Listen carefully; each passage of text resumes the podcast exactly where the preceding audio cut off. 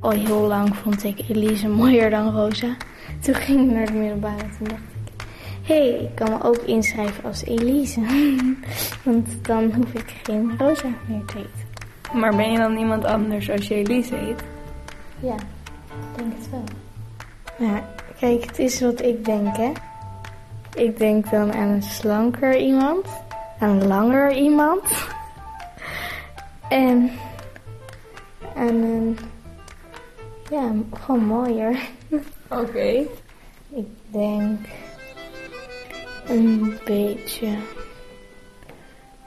heftig. Je graag heftig zijn dan?